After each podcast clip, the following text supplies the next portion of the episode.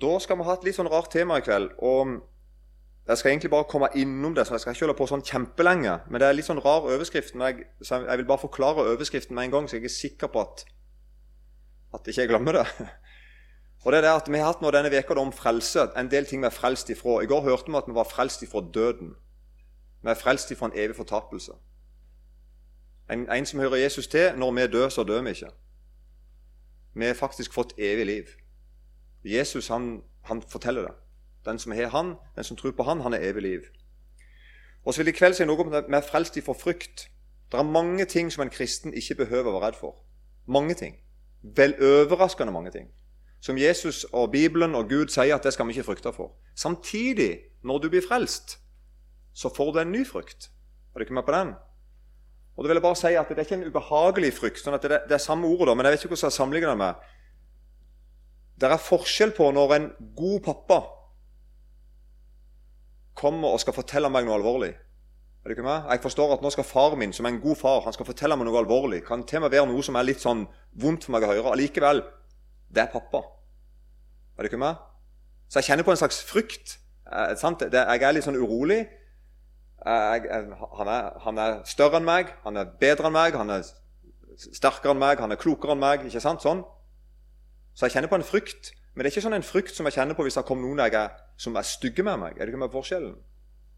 Sånn som en eh, slave som har en, en ekkel eier som bare herjer med deg og gjør som han vil med deg. Da kjenner du på en frykt hvis du hadde vært den slaven. Men det er sånn en ubehagelig frykt. Er det ikke med forskjellen? Så Derfor så er det sånn at eh, en kristen han slipper en haug med sånne frykter i møte med Gud. Men òg i møte med andre mennesker. Og i møte med ulykke, i møte med vanskelige ting, så har en kristen en del frykter som han slipper. Men så får en kristen noen nye sånne frykter. Og det er ikke, det er ikke, det er ikke vonde frykter, det er frykter vi skal si takk for. Det er en frykt fordi vi vet at Gud er større enn meg. Gud er sterkere enn meg. Gud er lurere enn meg. Gud er visere enn meg. Gud veit råd. Er du med på den? Så blir jeg en slags Men det kjennes ut som en usikkerhet allikevel. Det, er en frykt. Kjære Jesus, vær her med Din Hellige Ånd og, og forklar dette for oss. Det ber vi om. Vi vet det er mye å be om. Jeg ber om at vi må lære å frykte deg og elske deg. Takk at du er en god Gud. Takk at du er en god far. Og så vil Gjeld takk for alt det du kan fri oss ut ifra, alt det vi er redd for, som du sier at ikke vi trenger være redd for. Alt det vi er preget av og styrt av. Amen. Bare et, et eksempel. Hest er her da bildet på menneskelig styrke, ver, ver, verdslig styrke, jordisk styrke, altså styrke som ikke er for Gud. Så hesten er liksom sånn lastebilen, eller det som det største. Hesten er ikke å stole på til frelse, sier Bibelen. Altså menneskelig styrke og det sterkeste dyret vi som kjenner til, til til daglig. Og med sin store styrke redder den ikke. Se, Herrens øyne ser til den som frykter ham, som venter på hans miskunn for å fri deres sjeler fra døden. Det snakket vi om i går. Det er noen som venter på Herren, og så kommer han, så frir han oss ut ifra døden. Hvorfor det? Fordi han er, han, han er miskunn. Han er miskunn mot oss. Det vil si han, han er nådig mot dere. Han gir oss noe ufortjent, noe godt vi ikke fortjener. Men han gjør det for det. han. Og han holder dem i live under hungersnød. Vår sjel venter på Herren. Det er en rar ting. Noe inni meg, sjela mi, venter på Herren. Han er vår hjelp og vårt skjold. Så er det så annerledes. For en kristen er det annerledes. Sjela di begynner å vente. Jeg liker ikke å vente. Jeg er en utrolig utålmodig fyr. Veldig utålmodig. Uh, og jeg liker ikke å vente. Og det merker jeg òg i møte med Gud. At det er veldig utfordrende for meg, og sånn er sikkert du òg, å vente på Gud. Han kommer når han vil. Og han gjør det sånn som han vil. Og det er veldig sånn Sjelen min venter på han, og hun blir nødt til det. Hun blir fint nødt til det, egentlig. Men uten Gud, da? Uten frelsa, hvordan er det da? Her er sikkert mange som kjenner han. Axel Rose. Uh, en stor overskrift. Han er, han, han er, frontfigur i Guns N' Roses. Det var en svær overskrift. Han lider av menneskefrykt. En utrolig bra overskrift. Han er altså en av verdens mest kjente artister og står foran enorme publikum. Altså helt sånn vanvittige publikum. Og ingen sikkert hadde gjetta det engang, at inni han, bak alt det tøffe og gule, så lider han av menneskefrykt. Og så spør jeg da er det en lidelse av menneskefrykt. Ja, det er det. Og til og med kristne mennesker kan kjenne på det. At vi er redde for hverandre. I stedet for å være redd for Gud, så kan jeg begynne å bli redd for mennesker. Og Det vil jeg prøve å si litt om. Jeg håper jeg får det til. altså. I ordspråkene i Det gamle testamentet så står det sånn at menneskefrykt fører i snare. Og snare er altså å bli tatt og bli fanga. Vi kan sette ut snare til dyr. Da setter vi ut ei felle i naturen, og så håper vi at et dyr skal gå i fella, og så får vi mat. Eller vi stopper de ut, eller vet jeg søren hva de folk gjør med de. Men det, du, fanger de på den måten. Og her står det at menneskefrykt er ei, akkurat som sånn ei snare. Menneskefrykt er en snare som jeg og dere kan gå i. Så blir vi fanga. Og den som setter sin lit til Herren, han blir berga. Så for ikke å gå i menneskefryktsnara, så skal jeg frykte Herren. Er du ikke med på, ikke med på den? Det er liksom ei felle, menneskefrykt. Den, den vil ikke jeg gå i. Hvordan gjør jeg det? Jo, jeg setter min lit til Herren.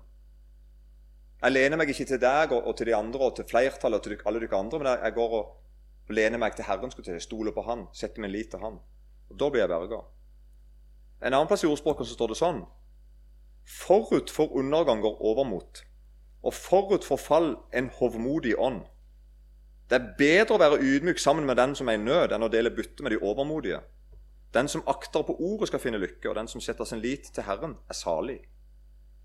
Takk også som at før du går under, før et menneske går under, rett før deg så kommer overmot. Eller ja, overmot. Er på den? Altså, du er dumdristig.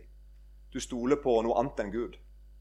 Så hver gang jeg går under, hver gang jeg, og ikke, for, ikke minst og forut for fall en hovmodig ånd Hver gang du faller i synd, så er du rett før vært hovmodig, sier Bibelen.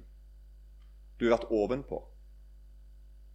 Du har stolt på noe annet enn Gud. Og så kommer fallet, og da på en måte avsløres Oi, nå har jeg falt. Hvorfor falt du? Rett foran der så var du ovenpå.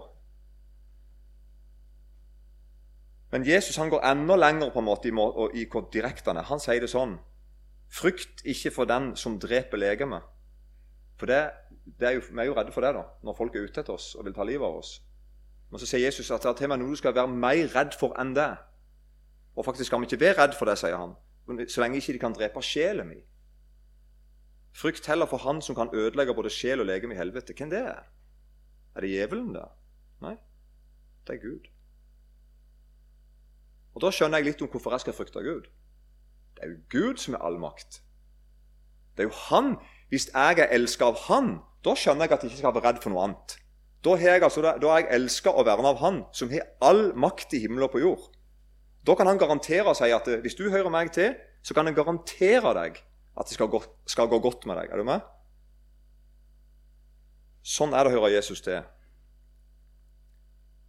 Så å være høy på pæra i møte med Gud, det er å være hovmodig. Jeg, jeg tenker at motet mitt er hovna opp. Hovmodig. Altså, det er, egentlig, det er et opphovna mot. Det det er, bare en følelse av at uh, du er tøff, men du er ikke det. liksom. Du, du får en, er du ikke med? Men blir hovmodige. Og Det som er rart, og som vi skal se litt på i kveld, det ser ut som at enten så frykter du mennesker, eller så frykter du Gud. Det er som ikke en mellomting. Så i det øyeblikket jeg kjenner på at jeg frykter å, jeg frykter lite Gud, så er det antagelig fordi at jeg frykter mennesker mer. Er du ikke med? Det er liksom det ene dytter det andre ut. Så i det øyeblikket du møter Gud og får med Gud å gjøre, bøyer kne for Gud, i det øyeblikket, da føler du deg sikkert svak. Men da sier Bibelen at da er du veldig sterk. Og da er du veldig lite påvirka av menneskefrykt. For nå har du med Gud å gjøre. Og det er når vi møter Gud, at vi på en måte avsløres om stoler jeg på mennesket eller stoler jeg på Gud. Er jeg redd for Gud, eller er jeg redd for mennesker? Og akkurat det med å være redd det er ganske rart. Hvis du leser i Bibelen, både Det gamle og Nye testamentet, så står det ofte 'frykt ikke'. Hvis du går inn på din bibel og så søker det, så vil du få opp enormt mange 'frykt ikke'. Det står enormt mange ganger 'frykt ikke'. Ofte er det da Gud som sier det til menneskene, eller engelen ifra Gud som sier det til menneskene. Eller 'vær ikke redd', eller sånne type utsagn. Hver gang et menneske i Bibelen møter Gud, så må det sendebudet fra Gud si 'ikke vær redd'. Hvorfor det? Fordi at de er redde. En av de beste eksemplene vi akkurat feirte når det var jul. Da sitter sant, gjeteren ute og passer på sauene, og så kommer det en engel og forteller, at, uh, forteller den gledelige nyheten om barnet som er født. Men å se en Herrens engel sto hos dem, og Herrens herlighet lyste om dem, og de blir meget forferdet. Altså de blir redde. Det er sånn en helt, automat, en helt sånn refleks hos mennesker. Når vi møter, når vi møter et Guds sendebud, en engel, eller møter Jesus, så får vi sånn en, en, en frykt i oss. Vi merker med en gang at «Å, du er noe jeg ikke er. Og så må da engelen seg til dem frykt ikke. Men engelen sier ikke bare ikke vær redd. Han sier ikke sånn 'slapp av'. Det er ikke det han sier. Han sier sånn 'frykt ikke, for se'. Jeg forkynner dere en stor glede. Hver gang Gud skal roe deg ned, hver gang Gud skal trøste deg, så er det ikke bare sånn 'slapp av', ikke, ikke tenk, ikke ta det alvorlig. Nei, Gud har en konkret beskjed til deg. Hvorfor skal du ikke frykte? Fordi at Jesus er født. Hvorfor skulle ikke gjeterne være redde når de møtte, når de møtte Guds sendebud? Fordi at han hadde glede av å forkynne dem. Dere er født i en frelser. Derfor kunne de si at du, du, du trenger ikke være redde. Fordi at Jesus er født. Og Da forsvant frykten. Da ble de glade. Hva er det som gjør deg trygg i møte med Gud? Hva er det som gjør deg trygg i møte med Gud? Så jeg bare setter opp to-tre onde spørsmål. Er det gjengen din? Er det meningene dine? Er det bakgrunnen din, altså etternavnet ditt, eller at du har gått på noen fine skoler, eller, eller ikke gått på noen fine skoler, eller Jeg skjønner ikke. Altså, hva er, det, hva, er som, hva er det som gir meg trygghet i møte med Gud? Hva er det jeg klamrer meg til? Hva er det jeg støtter meg til? Jeg kunne snu på det og sagt hva er det som gjør meg utrygg i møte med Gud? Hva er det som tar fra meg tryggheten min? Det er et veldig viktig spørsmål til deg.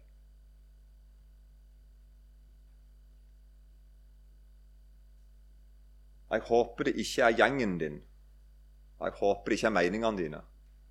Jeg håper du har noe bedre eller mer, noe større.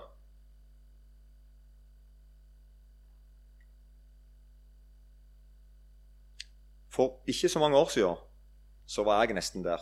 Og jeg kan godt komme der igjen. Da håper du ikke snakker til meg. Men jeg ble med som med i en gjeng, og jeg skal ikke henge ut den gjengen. Vi hadde ikke et navn, vi gikk ikke med jakke med, med merker og sånn. altså. Det var en usynlig gjeng, ikke sant? Min gjeng. Som mente det samme som meg, og tenkte det samme som meg, og gjorde det samme som meg, og sto for det samme som meg. Og så kjente jeg mer og mer på at jeg fikk en trygghet hos deg. og Det er jo ikke noe galt i det. Og Vi var ikke dumme i hodet heller, vi hadde masse gode meninger. Men jeg begynte mer og mer at sjelen min, den som skulle vente på Herren, ikke sant? og livet mitt, det som skulle ha med Gud å gjøre, det begynte å få med deg å gjøre. Og så begynte jeg å stole på deg og lite på deg og behøve deg mer enn jeg behøvde Gud. Og uten at jeg visste det, i all min kristendom og all min religiøsitet og i all min, alle mine, mine ivrige meninger, så mista jeg synet på Gud. Og så begynte jeg å stole på mennesker. Og jeg oppdaget vel egentlig ikke det før jeg merket at jeg var redd for menneskene. Jeg begynte etter hvert å se på at nå må jeg det er, er, en regel her. Jeg kan ikke bryte med det jeg er enig med nå. ikke sant? Vi har en, regel her. Jeg kan ikke gå ut av det jeg mente før, for da blir jeg, da jeg straffa av de folkene rundt. Er du med? De, de, gjorde ikke sånn, men jeg følte det sånn.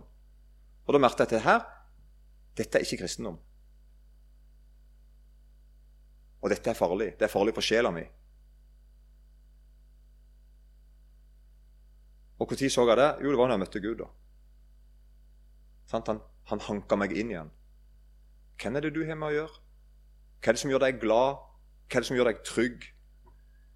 Er det Gud og budskap om hvorfor du ikke trenger være redd? Eller er det gjengen din, eller flokken din, eller menigheten din? Eller skjønner du ikke hva jeg mener? Det er et utrolig godt eksempel i Bibelen. Dette tror jeg er det største eksempelet i hele Bibelen. For det fortelles ifra nesten side 1 til side sist. Nesten hele tida. Så er det en fortelling som går igjen hele tida. Nemlig at Israel var som folk Altså bare med å være født som israelitt, som jøde, så var de Guds sitt folk. Ikke sant? Gud var deres Gud. Altså Det var vi som navnet på ham. Israels Gud. Han hette det. Israels Gud. Så det at for, for de da som ble, var født inn i Israels uh, ett, i, i stammene, så visste de at han er jo min Gud. Hvorfor det? Fordi han er Israels Gud. Og han var Abrahams og Isaks og Jakobs gud. Og bare så det er sagt, Han er det fortsatt. Han var ikke hvordan han var. Han er det. Og det er rare at Vi som sitter her nå i dag og tror på Gud, vi tror altså på Abrahams gud. Det er samme Gud. Og han er fortsatt Abrahams gud. Vi tror på ham. Han som berga israelfolket ut av Egypt, da. førte gjennom Rødehavet og, så videre, og gjennom ørkenen og inn i nye land. Det er min Gud. Det er ganske utrolig. Men det som var problemet for det, det folket, var at på en måte var de ei gruppe som i kraft av det, å være den gruppa Guds folk Er du ikke med? De visste at jeg, Gud er min Gud fordi jeg er israelitt. Og Særlig i Det nye testamentet så ser vi at det blir et problem for dem i møte med Jesus. Jeg har skrevet her at mange ble, fornærma på Jesus. For Jesus han på en måte, han utfordra forholdet deres til Gud og avslørte et dobbelt liv de hadde, nemlig at de hadde mer med gruppa si å gjøre, ikke sant, med slekta si å gjøre, enn med Gud. De nesten brukte de mot Gud. At er ditt, vi er jo ditt folk. Jeg, jeg hører til denne gruppa. Så når Jesus da begynner å forkynne til dem at de behøver å omvende seg, at de behøver å ha et forhold til Gud, så blir de fornærma. Sånn sier de da. Han, sånn sier Gud til, Jesus til dem i Johannes 8, 36. For da Sønnen frigjort dere, da blir dere virkelig fri. fri. Altså Det ligger i det at Jesus mener at de er ikke skikkelig fri. Så De, de, de blir fornærma. Hva er det du sier for noe? Hvis Sønnen får gjort oss fri? Hva er det du mener for noe? Hvis? Men, er, det, er det noe galt med oss? Jeg vet at dere er av Abrahams ett. Men dere søker å drepe meg fordi mitt ord ikke får rom hos dere. Jeg taler det jeg har sett hos min far, og dere gjør det, det, og dere, gjør det dere har hørt av deres far. Og Da mener Jesus faktisk at de har en annen far enn Gud, nemlig djevelen. Så nå blir de fornærma. De sa sånn Vår far er Abraham. Jesus sier til dem, Var dere Abrahams barn, da gjorde dere Abrahams gjerninger. Men nå søker dere å drepe meg, et menneske som har sagt dere sannheten, den som jeg har hørt av Gud. Det gjorde ikke Abraham. Så her på en måte sier Jesus at ja, jeg vet ikke Abraham til far. Samtidig så har dere ikke det. Er dere med på den? Ja, jeg vet ikke hører til et folk som går for å være Guds sitt folk. Og samtidig så vet jeg noe om hjerteforholdet til en, en annen her. Er det ikke med? Og Sånn kan vi tenke overført til menigheten. Ja, du kaller deg kristen. Ja, du går i en menighet. Men jeg veit noe mer om deg. For da Sønnen hva det sto, for da Sønnen frigjort dere. Det lyder òg inn til bekjennende kristne. Da blir dere virkelig fri. Så fortsetter da Jesus i vers 46, slutten der. Men jeg sier sannheten. Hvorfor tror dere meg da ikke? Den som er av Gud, hører Guds ord. Dere hører ikke fordi dere ikke er av Gud. Judeerne svarte og sa til ham, sier vi ikke med rette at du er en samaritan og en besatt? Så sinte vi det på Jesus.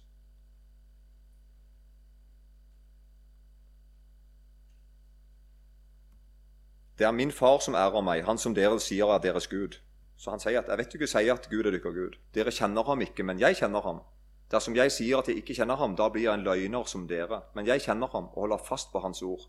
Abraham, deres far, frydet seg til å se min dag, og han så den og gledet seg. Så det er altså noe rart her. Jesus sier at de er Abraham til far, og samtidig er de det ikke. Og Vi ser helt tydelig at det var noen altså, som i møte med Gud sjøl i stedet for å vise til Gud og hans ordning, i stedet for å vise til Gud og hans nåde og hans miskunn, så viste de til seg og sitt folk, seg og sine meninger, seg og sine seremonier, seg og sitt.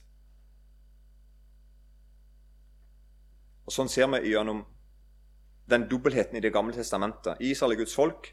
Samtidig må hver og en av dem forholde seg til Gud. De, liksom, de er ikke bare ei gruppe, de er mer enn ei gruppe. Sånn er det i dag òg. Og Ingen steder kan noen gjemme seg bak sin gruppe i møte med Gud. Han ser den enkelte, han ser forbi gjengen og gruppa. Og Det som er godt med det, er at Jesus elsker ikke gruppe, med andre ord. Han, Jesus han elsker deg. Ikke sant? Det er jo det som er det store med det, at Jesus kjenner deg. Han døde for deg, han elsker deg. Han vet navnet ditt. Han har kalt deg med navn. Han har tegna deg i begge sine hender, står det. Jesaja 49. Glemmer vel en kvinne sitt dine barn? så hun ikke forbarmer seg over sitt livs sønn. Om også de glemmer, så glemmer ikke jeg deg. Sånn snakker Gud til et helt folk og til én og én. Se, i begge mine hender har jeg tegnet deg. Dine murer står alltid for meg. Jesus kjenner deg. Jesus sier at du trenger ikke frykte noe annet så lenge du frykter Han og kjenner Han og lever i Hans kjærlighet. Så trenger du ikke frykte alt det andre. Du trenger ikke frykte mennesker. Og Det med gudsfrykt er at Gud kommer når Han vil. Så det å frykte Gud det handler veldig ofte egentlig alltid om å vente på Gud. Å vente på Gud innebærer en frykt for hva som skal skje når han kommer. Er du, er du ikke med på hva jeg mener? Når du ber til Gud om noe, så vet du at Gud kommer når han vil. Jeg vet ikke hvor tid han kommer, jeg vet ikke helt hvordan han kommer, jeg vet ikke helt hva han kommer til å gjøre. Så jeg får en sånn ærefrykt for Gud, en respekt for Gud. Du får komme, Gud. Du får ordne dette sånn som du vil. Så da blir Guds folk preget av det. Hva venter du ikke på? Jeg venter ikke på en konkret løsning. Jeg venter på Han som kan løse alt. Og Det gjør meg litt sånn ja, forsiktig og ydmyk. Er du med? Altså, Jeg vet ikke helt hvordan jeg kommer til å ordne dette her.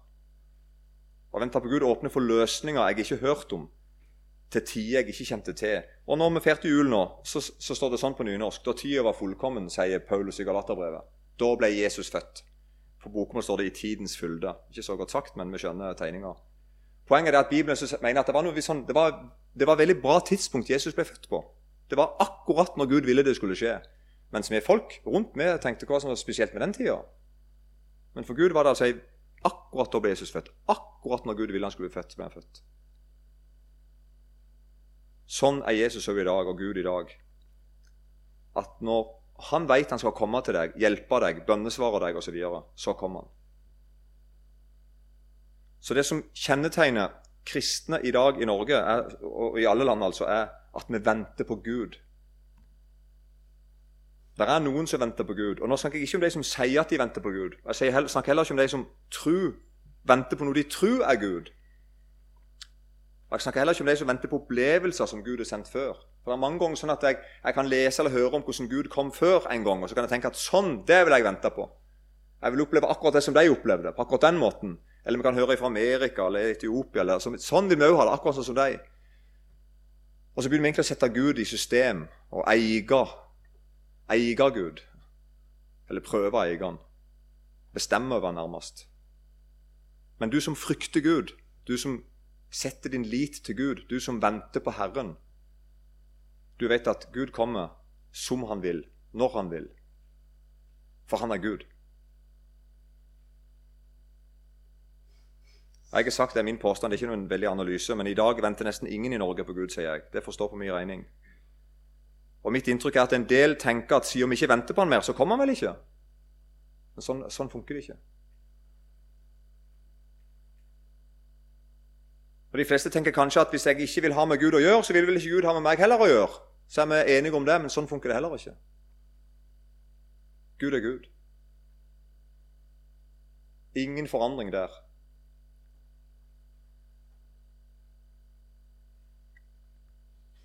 Og Ofte et hovmodig forhold til Gud. Det kan ofte se ut som at kristne ikke alltid altså, men ofte kan det se ut som at kristne tror de har Gud i lomma. At de liksom kan velge bort egenskaper om han, eller ta ordet hans og si at det er noen ting her ikke vi vil forholde oss til mer, eller tro på mer, eller hva det måtte være. Sånn funker det heller ikke. Det er faktisk helt ukjent i Bibelen at vi kan eie Gud på den måten.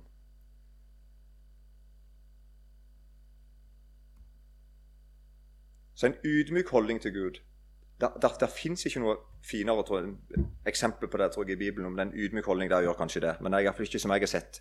Dette er altså døperen Johannes som sitter i fengsel. Største profeten som noen gang har levd. Virker bare noen få måneder, så blir han satt i fengsel. Og så sender han ut et spørsmål til Jesus. Er du den som skal komme, eller skal vi vente en annen? Han må ha en de diskuterer jo hvorfor han spør. Noen mener at han spør like mye for at læresvennene hans skulle få et godt svar og høre det. Men han spør nok for sin egen del òg. Er du den som skal komme, eller skal vi vente på en annen? Det var akkurat som at Johannes sier liksom at hvis jeg sitter her i fengselet til ingen nytte, så vil jeg ikke sitte her i fengsel. Hvis jeg sitter her og det er vanskelig av feil grunn, så vil, ikke, så vil jeg ikke ha det vanskelig. Men hvis jeg sitter her i fengselet fordi at du er han som skal komme, han som vi har venta på, så sitter jeg her. Så fikk han jo svar tilbake da, at ja, det er meg. Blinde ser, og døve hører, og lamme går. og Evangeliet blir forkynt til hedninger. Men tenk deg for en fin holdning han har. Er du den som skal komme, eller skal vi vente en annen? Han har tenkt å vente. Er det ikke med? Det er poenget mitt. Johannes har tenkt å vente. Han er klar over at jeg, hvis ikke vi skal vente på deg, så skal jeg vente på en annen. For jeg har tenkt å vente på Herren. Johannes vet at Gud er en Gud vi venter på. At han er den som skal komme. Johannes kjente Gud, sier jeg. Jeg håper at vi er der. Jeg håper at Gud får lov til å ha oss der hvor vi får med Gud å gjøre. For det er det egentlig snakk om, at jeg får med Gud å gjøre, ikke med mennesker å gjøre. Sånn at jeg lærer å frykte Gud. Og i det samme øyeblikket og i samme grad som jeg frykter Gud, så kjenner jeg at frykten for menneskene forsvinner. Det blir ikke så viktig lenger hva, hva de måtte mene og ikke mene. Og Det er egentlig i det vi snakker om nå, at det er her kristendommen er. Forskjellen på religion og kristendom. Forskjellen på tradisjon og kristendom. At en og en av oss får med Gud å gjøre. Kjære Jesus, velsigna det jeg har sagt, for navnet ditt skyld.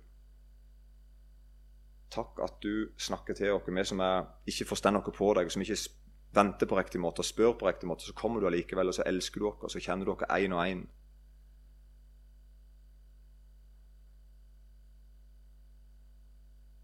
Lær meg å frykte og elske eneste deg. Amen.